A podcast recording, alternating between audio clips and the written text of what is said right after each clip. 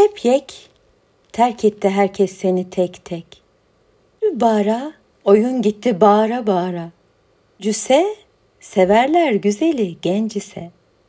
Şeş ne bağırıyorsun car car. Altı dörttür şeş. Beş üçse pencüse. İki ile iki yani çift dü dubara. Bir bir tek tek hepsi de yek. Bunca sözün manisi tavladan çıkmış. Tavlanınsa yolu buraya kim bilir nasıl sapmış. Padişahlar oynarmış, genç kızlar, askerler, eğlencesi pek bolmuş.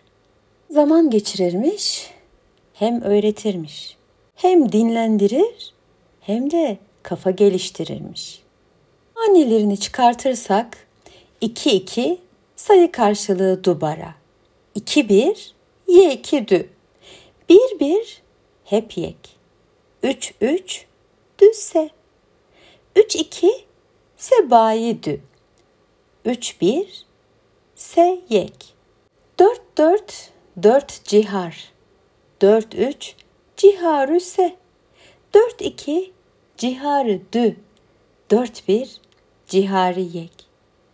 5 5 dü 5. 5 4 ciharı penç. 5 3 pencüse.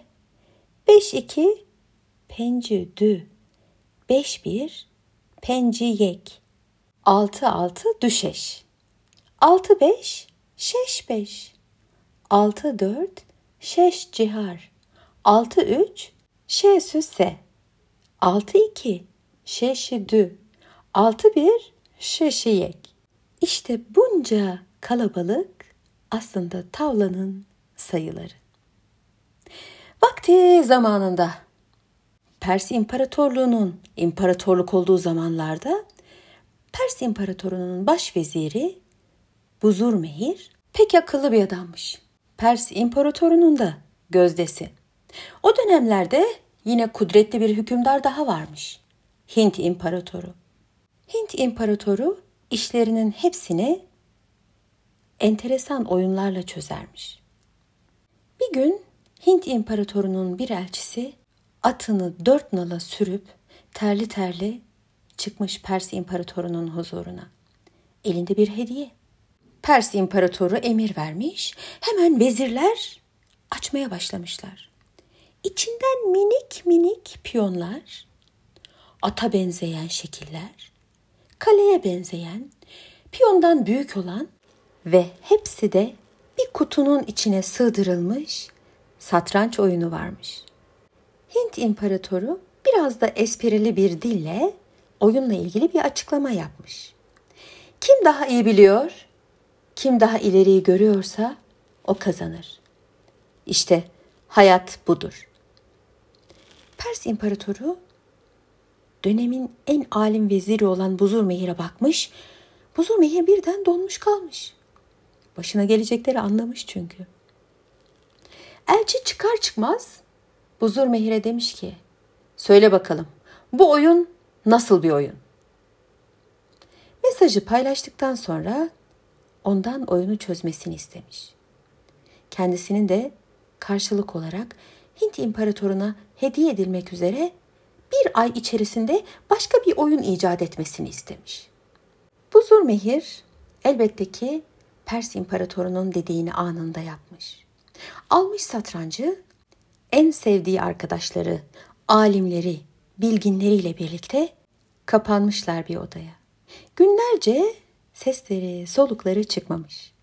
Haftalarca çalıştıktan sonra gönderilen satrancın her taş hareketini ve oyunu çözmüşler. Sonra da 10 günde tavlayı icat edip önce Pers imparatoruna sunmuşlar. Buzur Mehir ve yanındaki bütün arkadaşları bir araya gelerek Pers imparatorunun karşısına çıktıklarında satrancı adım adım anlatmışlar. Pers imparatorunun çok hoşuna gitmiş. Peki demiş karşılık olarak biz ne göndereceğiz onu da buldunuz mu? 10 gün içerisinde buldukları tavla oyununu hemen getirip koymuşlar Pers İmparatorunun önüne. Sonra demişler ki, efendim, zaman kavramından alınan ilhamla biz bu oyunu tasarladık. Zamana böylesine direnmesi son derece etkileyici. Dört köşesi dört mevsimi simgeliyor. Tavlanın içindeki karşılıklı altışar hane tam 12 ayın olduğunu gösteriyor.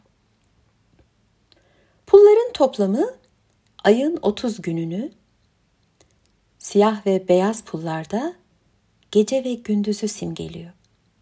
Karşılıklı 12'şer hane günün 24 saatini, evet zamanı temsil ediyor. Biz de böyle bir oyun bulduk. Hint imparatoruna satranca karşılık olmak üzere biz bu oyunu tasarladık. Pers imparatoru bakmış şöyle bir oyuna, hoşuna gitmiş. Peki demiş, zarları göstererek, bunlar nedir? Buzur Mehir hemen cevaplamış onu. Kim daha çok düşünüyor, kim daha iyi biliyor, kim daha ileriyi görüyorsa doğrudur, o kazanır. Ama hayat biraz da şanstır. Pers imparatoru Buzur Mehir'in ağzından çıkan bu cümleleri o kadar sevmiş ki hemen anında kaleme aldırmış. Tavlanın bir eşiyle birlikte bu notu yazdıkları zarfı da kendi ulaklarıyla Hint imparatoruna göndermiş. Hint imparatoru tavlayı aldıktan sonra oyunu hemen çözmeye başlamış. Ve içindeki not hayat biraz da şanstır dediği zaman zarların ne işe yaradığını gösterir, ipucuymuş. 1400 yıldan beri oynanan bu tavla oyunu hemen hemen herkesin bildiği güzel bir oyun. Oyunun mantığını kavradıktan sonra kapılar, kırıklar, kazanmalar ve kaybetmeler aslında sadece zamanı değil, hayatın kendisini gösteriyor. İki imparatorun zeka ve kudret üstünlüğünü kurmak için ortaya çıkardıkları bu iki oyun hala yüzyıllardır zevkle insanları oyalıyor. Keşke her tatlı rekabetin böyle güzel insanlara kalacak oyunu olsa. Farsça sayılardan gelen zar isimlerinin her biri Türkçe'de bir sayı karşılığı edilmiş.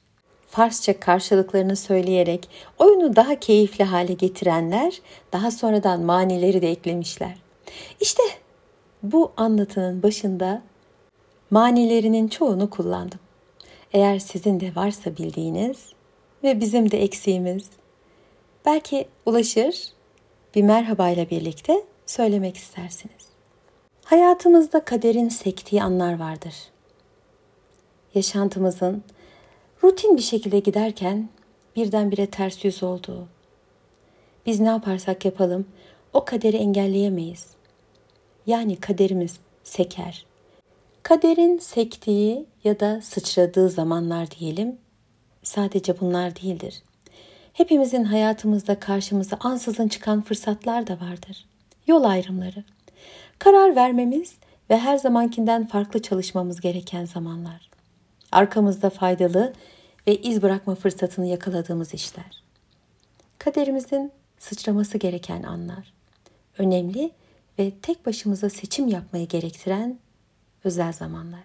Bazen risk almamız gerekir, bazense riske girmek istemeyiz. Hayat seçimlerimizdir. Ama yine de gelir karşımıza dikilir.